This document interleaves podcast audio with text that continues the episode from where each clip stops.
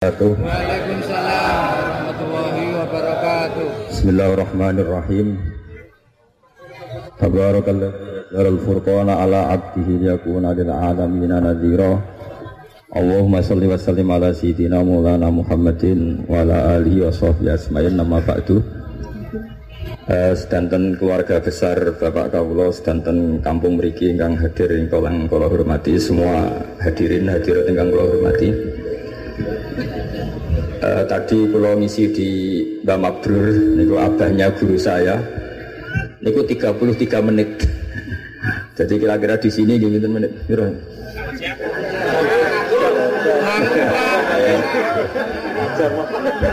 Saya kemarin dengan Ganjar itu gubernur Jawa Tengah itu malah 7 menit.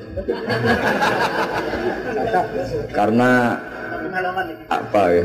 Tak anggap iman itu kan sudah mulai kecil sampean. Kok ijek juk mulang itu piye jadi kalau singkat itu artinya saya percaya iman sampean sudah apa?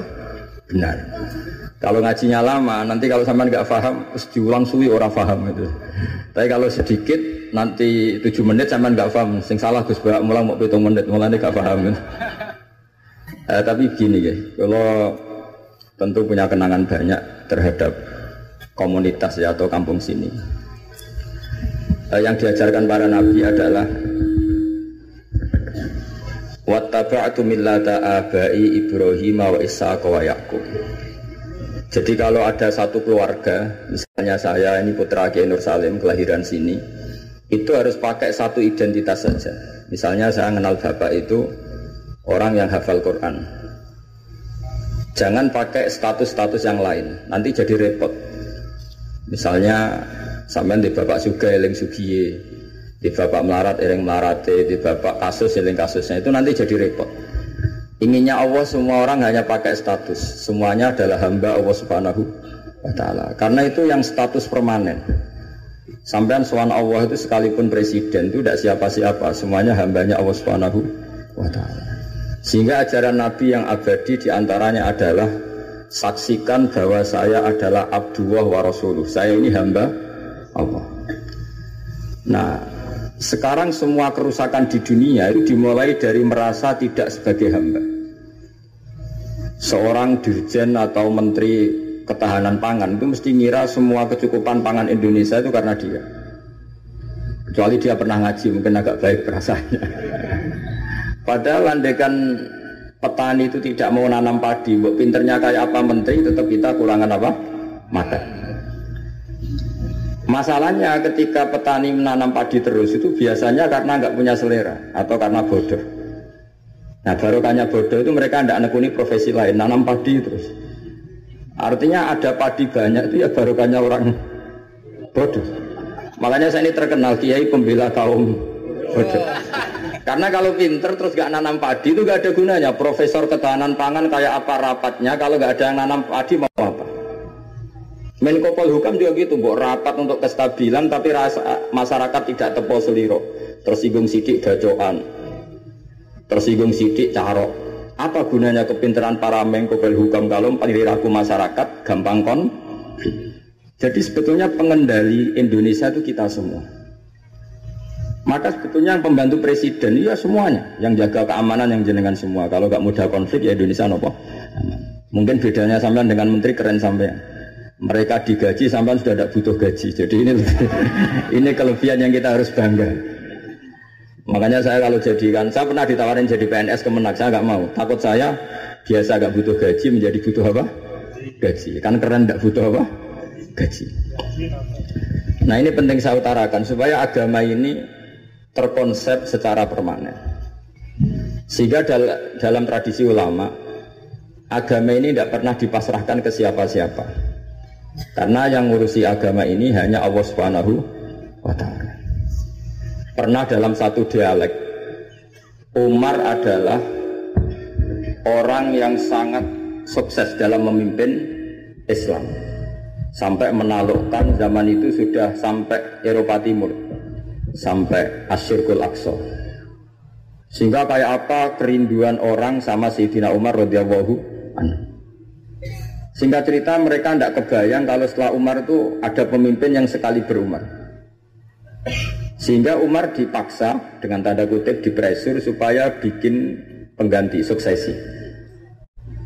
Setiap Ibnu Umar anaknya jalan-jalan ke mana-mana, itu mesti masyarakat bilang gini, Mbok yo abah kamu itu bilang ada suksesi supaya pemimpin ini jelas tahapannya. Terus mereka bikin analogi, analogi itu kias. Kalau ada kambing 100, penggembalanya tinggal gelanggang, itu dianggap dolim, tidak ya dolim, pasti kocar kacir. Apalagi ini penggembala manusia. Kalau suatu saat Umar meninggal, itu pasti kacau. Umar sempat tertarik sama sama pikiran itu sehingga beliau ingin menunjuk seorang khalifah pengganti. Lama-lama beliau bangun terus bilang gini, ndak, ndak jadi kan. Agama ini yang punya Allah, jadi nggak boleh dipikir oleh Umar. Agama ini pernah ditinggalkan orang yang lebih baik ketimbang saya, yaitu Abu Bakar, tetap jalan. Dan agama ini pernah ditinggalkan oleh Rasulullah Shallallahu Alaihi Wasallam orang terbaik di dunia dan tetap jalan, karena yang ngurusi Allah. Makanya sekarang nggak ada wali songo. Mungkin zaman wali songo Panjunan tidak seperti ini. Tapi sekarang dipimpin Ustadz TPG. Islamnya lebih maju ketimbang zaman dipimpin wali songo. Bukan karena ustadznya yang lebih hebat dibanding wali songo, memang agama ini diurusi oleh Allah Subhanahu wa taala. Ustadz kasus ya agama jalan. Oh itu banyak cerita-cerita di TV Ustadz apa? Kasus agamanya juga jalan. Ada kiai ditangkap KPK, agama juga jalan. Karena agama ini nggak bergantung seorang kiai, juga nggak bergantung kemenak. Agama ini yang mendesain, yang menjaga hanya Allah Subhanahu wa taala. Cerita paling modern itu Uni Soviet. Uni Soviet itu negara komunis. Ratusan tahun orang Islam dikoptasi di Uni Soviet. Tapi mereka Islamnya luar biasa, menyembunyikan Islamnya. Belajar tauhid di basemen di tempat-tempat sembunyi. Ketika Uni Soviet hancur lewat glasnost perestroika itu, langsung jadi negara Islam. Ada Uzbekistan, Tajikistan, Ceknya itu semuanya jadi negara Islam. Artinya gini, agama ini pernah jaya bahkan saat dikoptasi Uni Soviet. Indonesia juga pernah jaya pada dijajah Belanda 350 tahun. Justru menjadi masalah kalau kita ini terlalu bergantung negara. Kiai gelem mulang nak untuk bos, santri gelem mondok mergo kepalanya dicatat di negara sehingga dapat fasilitas. Oke negara baik kita akui. Tapi itu nggak bagus bagi kita kalau terlalu bergantung. Karena biasanya kita berkontribusi kepada agama, sekarang mendapat dari negara untuk ngurus agama. Masalahnya bukan di ngurusnya, ketergantungan ini yang menjadi Islam nanti bahaya ketika ada masalah. Nggak biasa apa imun ya, nggak biasa kebal. Sehingga pikiran-pikiran para ulama dulu, cara berpikir itu agama ini harus dijaga karena kita yakin Allah yang menjaga. Kenapa saya cerita demikian? Karena Islam di Indonesia sekarang itu luar biasa. Katanya malah Islam terbaik di dunia sekarang. Kenapa kok terbaik di dunia? Kenapa Islam Indonesia punya gelar terbaik di dunia? Di mana-mana, di Mesir, di Syria, di Irak itu konflik. Dan kalau konflik sampai saling bunuh. Kita tahu urutan dosa besar satu adalah musyrik, nomor dua adalah orang mukmin saling apa? Bunuh. Nah Indonesia boten, gedeng tanggane mau ngerasani tok tinggu kegiatan itu. ya hanya gitu-gitu dok. Yang bisa nyantet ya tidak nyantet. Jadi biasa saja.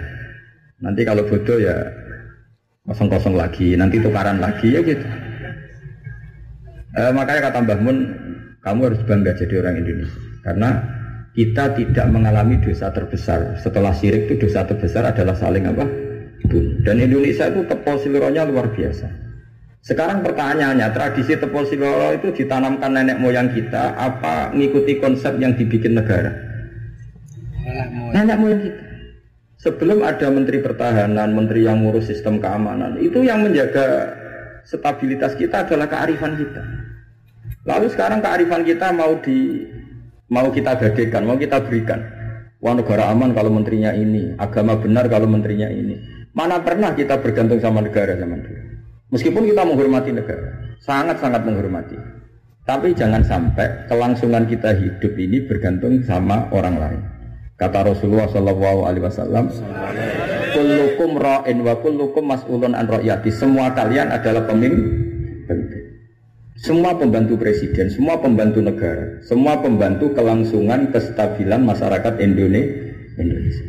Orang yang nggak suka konflik berarti membantu Menteri Pertahanan. Meskipun dulu kamu milih 01, dapatnya 02. Itu barokahnya Indonesia. Milih satu dapat dua. Betul, saya itu punya doanya Mbah Mun. Sebelum wafat beliau itu nyatet doa. Itu di antara doanya itu Allahumma alki bainahuma ulfatan wa mawaddatan. Ya Allah, jadikan dua tokoh ini yaitu Jokowi dan Prabowo, Pak Jokowi dan Pak Prabowo ulfatan, e, saling asih dan saling mencintai. E, dulu ketika masih panas itu saya baca doa itu agak ini bener gak? saya Jumat sebelum Yai Haji itu masih ketemu Jumat. Beliau cerita kalau mau ketemu Megawati, terus ketemu Bu Mega di Sabtu. E, Ahad beliau terbang ke Mekah, terus e, Selasanya wafat. Selasa keberapa itu hanya hari Selasa. Itu di antara doa yang dititipkan sama anak dalam itu doa itu. Yang baca juga agak-agak ini yang bener aja doa ini. Terus uniknya doa itu ditutup min abdikal fakir memun zubair ya Allah jangan lihatlah saya kata bangun di doa itu lihatlah saya yang berdoa barang kemarin setelah pelantikan menteri ternyata seperti itu itu saya tambah kagum. Bahwa kita punya guru seorang wali jadi doain sesuatu yang mukal saja kesampaian. Doain yang mukal saja. Sampai tek itu sekarang masih saya simpan. Tulisan tangannya Mbah. Itu dulu diberikan anak dalam. Kalau saya itu menerima wasiat jadi pengurus. Jadi e, beberapa kali saya ditawarin jadi pengurus PBNU saya nggak mau. Sampai berkali-kali nggak mau hanya PBNU tidak kurang akal pakai tangannya Mbah Mun supaya agak agak maksa saya. Karena saya memang dari dulu gak punya rencana jadi orang besar biasa aja gak jenengan kan enak. Mau ngopi santai, mau melarat ya pantas. mau keliru ya pantas karena ada kiai itu. Jadi enak lah. Jadi kiai itu kan tidak enak.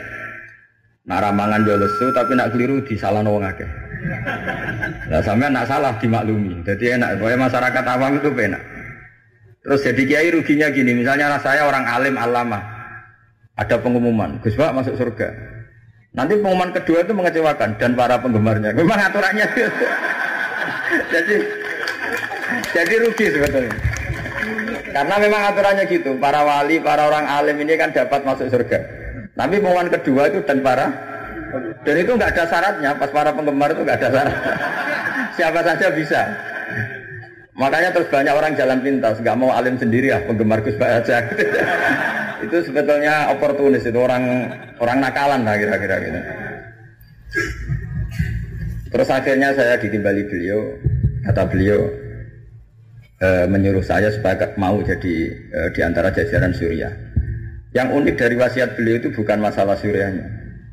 Kata beliau, Indonesia itu harus kamu jaga. Bila perlu nanti di lembaga dakwah NU itu melibatkan orang macam-macam dari partai macam-macam termasuk partai BDI. Terus ketika tak tanya kenapa ya, sing iso jogo Indonesia itu nasionalis dan religius. Dan yang menjaga ini penting kata beliau. Ojo sampai Indonesia itu dosa paten pinaten. Caranya ya aku kudu rukun Megawati dan mewakili kaum apa religius dan nasionalis. Kalau paten pinaten repot kayak Mesir Syria.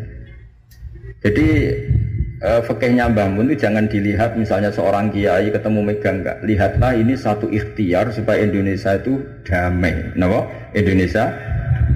Uh, saya termasuk santri yang akhirnya mencari-cari argumentasi itu. Singkat cerita, saya nyari itu di khazanah-khazanah kitab dan ketemu yaitu Rasulullah pernah berdamai dengan Suhel bin Amr.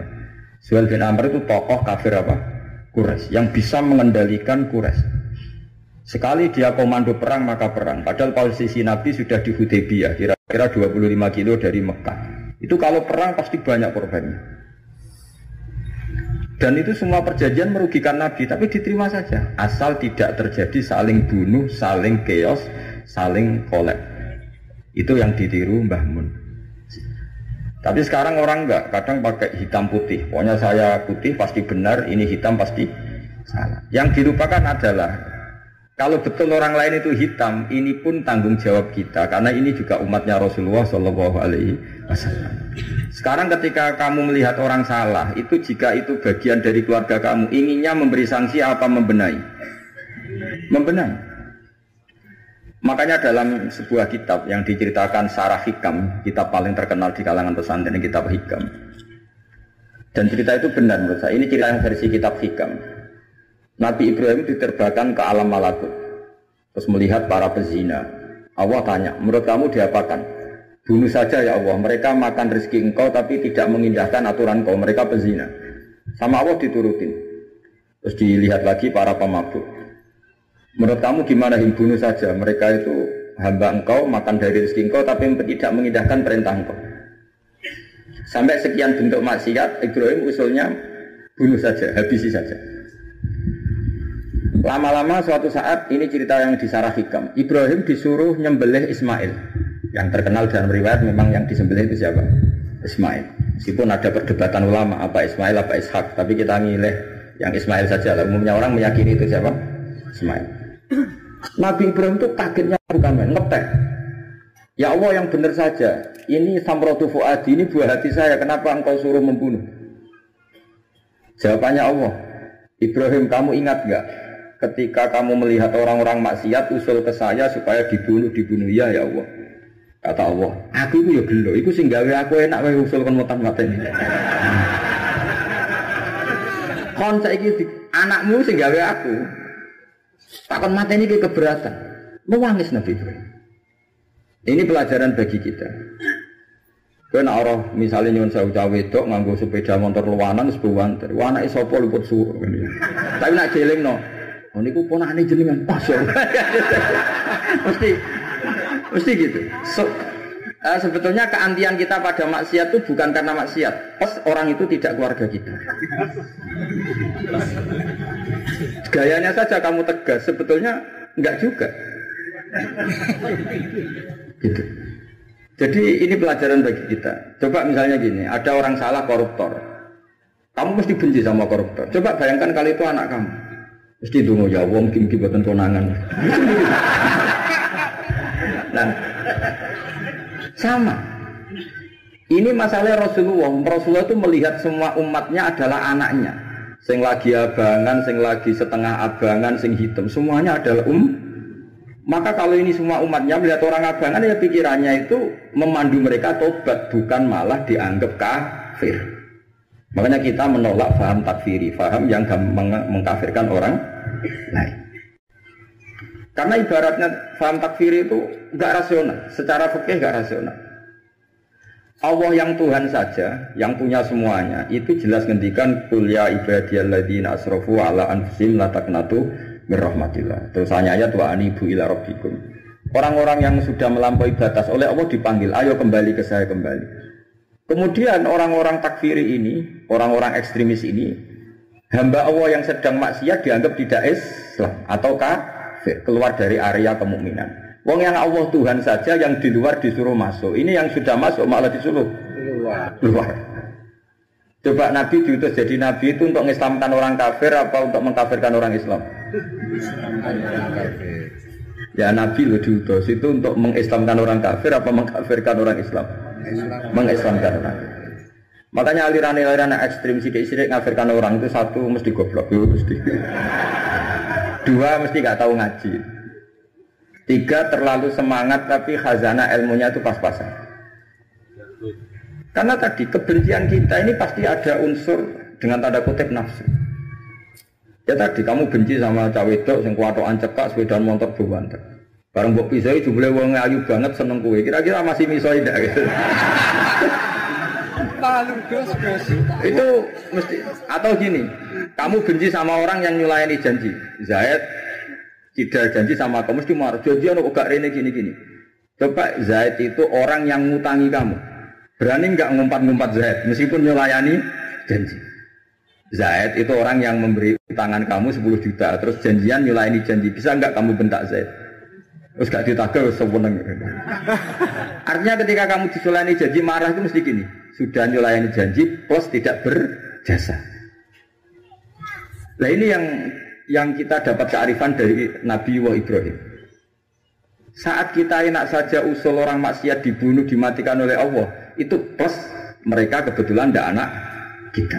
Coba andekan zaman di alam malakut Ibrahim tahu yang nakal itu anaknya, apa kira-kira usul demikian? Nah makanya ini jagalah, jaga kearifan kita bahwa bayangkan orang lain itu keluarga kita.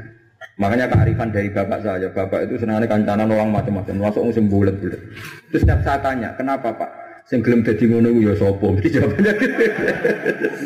Karena itu kearifan. Sing gelem dadi ngono iku santrinya bapak dulu yang bulat ya banyak. Iya iku bengkel. Nek ora gelem dadani barang rusak ya ora usah dadi apa? Iya. Makanya saya ini keterusan, saya termasuk jenis kiai yang nggak tegas. Tapi karena kearifan, ya yang terlalu tegas itu biasanya tidak pati, tidak pati arif. Ya tadi, bayangkan itu anak kamu, pengen ngaji malah diboyong. Cara itu anakmu, Pak Yai memberi kepengen didadani malah jiran. Jadi ini ini pelajaran bagi kita. Jadi coba khazanah-khazanah itu jangan sampai hilang. Uh, memang ada banyak riwayat tentang Nabi Ibrahim uh, menyembelih Ismail. Sebagian kitab meriwayatkan bahwa Ibrahim itu saking senangnya sama Allah. Ditanya Ibrahim, andikan kamu punya sapi sekian, kamu korbankan untuk saya enggak? Iya ya Allah, untuk takorup ilaika. Kurban itu maknanya uh, satu prosesi ibadah untuk mendekatkan diri kepada Allah. Mana ada terima sapi untuk, nak jenengan nyuwun anak pulau mau tak korban. Terus dites tenan disuruh nyembelih apa? Ismail. Eh, tapi saya lebih cocok sama riwayat yang diterangkan di sarah kitab hikam tadi. Jadi beliau mengalami kasaf diangkat. Eh, kasaf itu satu kemampuan untuk melihat alam gaib. Kemudian dipertontonkan Allah alam malakut. Terus Ibrahim main usul supaya orang-orang itu dihabi, dihabisi. Suatu saat itu tadi diingatkan Allah, coba anak kamu kamu sembelih. Lu gimana ya Allah ini samrotu fuadi buat saya. Terus kata Allah, ketika kamu usul langsung tak turuti kok saya usul kamu pikir-pikir katanya. Tapi ini anak saya, memang yang saya bunuh itu hamba siapa itu juga hamba saya kata Allah. Nah semenjak itu Ibrahim jadi halim. Ibna Ibrahim malah halimun Allahumunib. Semenjak itu dia jadi halim, beliau jadi halim. Halim itu mudah memaafkan. Dulu enggak ya agak-agak temperamental. Makanya dalam tafsir diterangkan ketika Ibrahim ekstrim, mematai beberapa berhala itu di Quran dijelaskan sami'na fatay yazkuruhum yuqalu lahu Ibrahim. Fatan itu anak muda, jadi gejolaknya masih kuat sehingga frontal. Tapi ketika Ibrahim sepuh itu semua proses dakwahnya itu halus. Ya kira-kira mirip Wali Songo. Tapi itu bahasa yang salah ya Wali Songo yang mirip Nabi Ibrahim nanti. Makanya yang benar itu madhab ahli sunnah wal jamaah. Islam Nusantara itu nama lain yang ingin ikut ahli sunnah wal Jangan ahli sunnah jamaah sekarang ikut Islam. Nusantara itu kacau nanti secara sering saya ditanya, Gus Islam Nusantara itu kan firqa sudah 73 ditambah Islam Nusantara 74 ya kacau kalau seperti itu ya ndak. Islam Nusantara itu ya maknanya ya karena kita punya kultur, punya budaya dan budaya itu budaya Indonesia. Tentu misalnya eh, orang Arab pakai jubah, itu ya sunat kita yakini sunat. Tapi orang Indonesia ya sudah cukup pakai hem itu juga sudah sunat. Jangan kayak orang Madura karena kalau yang jubahan kiai ke Arab Saudi supir taksi dicium, tukang angkot dicium. Karena semuanya pakai apa? Jubah. itu guyonannya orang Madura kan. Setelah di sana jubah lo itu pakaian nasionalnya orang Arab. Oh iya iya. Makanya kalau melihat film Arab itu bingung karena yang soleh sama penjahat sama-sama macaknya seperti itu. Kalau film Indonesia kan gampang. Yang preman tatonan pakai celana jeans sobek-sobek, yang kiai pakai koko kan enak. Ini yang soleh ini enggak. Kalau film Arab bingung. Makanya kalau orang abangan lihat film Gus Abu Jaldi karena karena itu. Film Arab itu repot film Arab itu. Dan lucunya orang-orang Arab itu meskipun fasik itu kalau sumpah ya bilang wawahi. Itu yang sering haji, sering umrah kan tahu orang Arab kalau marah siapa pun ya bilang apa? Allah. Nah itu maksudnya Nusantara. Tentu kita tetap yakin jubah pakai jubah itu sunat, pakai seperti itu sunat. Tapi nggak usah berlebihan, terus harus seperti itu. Karena kewajiban kita yang penting adalah satrul aurat nutupi aurat. Meskipun dengan cara negara masing Nah negara masing-masing ini kemudian oleh kiai kadang diistilahkan apa Islam Nusantara. Taman lihat kan ulama-ulama Turki ya pakai turbus, pakai peci yang ulama Rusia ya pakai baju khas Rusia. Ya semuanya pakai khas daerah masing-masing dan itu nggak masalah. Karena kata Allah wa ma arsalna mir rasulin illa bilisani apa? Kaum semua rasul itu punya tradisi sesuai tradisi kaumnya masing masing-masing. Tentu tradisi yang positif. Jadi nggak perlu diperdebatkan. Tapi tetap saya ingin berkeyakinan bahwa pakai jubah itu ya sunat, pakai hem ya sunat, pakai pakaian ala Indonesia yang santun itu juga apa? Sunat. Karena sakofa itu satu tradisi. Nah, bayangkan kalau tradisi itu terjadi di perdamaian. Kayak tadi, tepo seliro. Sebelum ada Menteri Pertahanan, sebelum ada Menko Pelhukam, sebelum ada polisi, orang Indonesia itu Misalnya dulu di sini ada Bandar sama ada orang-orang sepuh. Itu sing ngapain nom nom karena rebutan warisan di sini, sungkan sing sepuh. Jadi tanpa ada polisi ini sudah ada kearifan yang bisa mengendalikan orang tidak rebutan warisan, tidak konflik. Sekarang enggak, ambil dulur konflik yang pengadilan. Banyak enggak orang konflik harta warisan sampai ke pengadilan? Kadang. Artinya apa? Ketika ada lembaga peradilan justru kita kehilangan kearifan. Makanya ngaji di sini saya minta sekali tradisi-tradisi kearifan kita hidupkan lagi. Ini yang terakhir saya cerita sujud. Terus orang terlatih tanggung jawab sendiri. Rasulullah itu betul bisa nyafaati. Itu semua ulama ijma Rasulullah bisa mensafaati.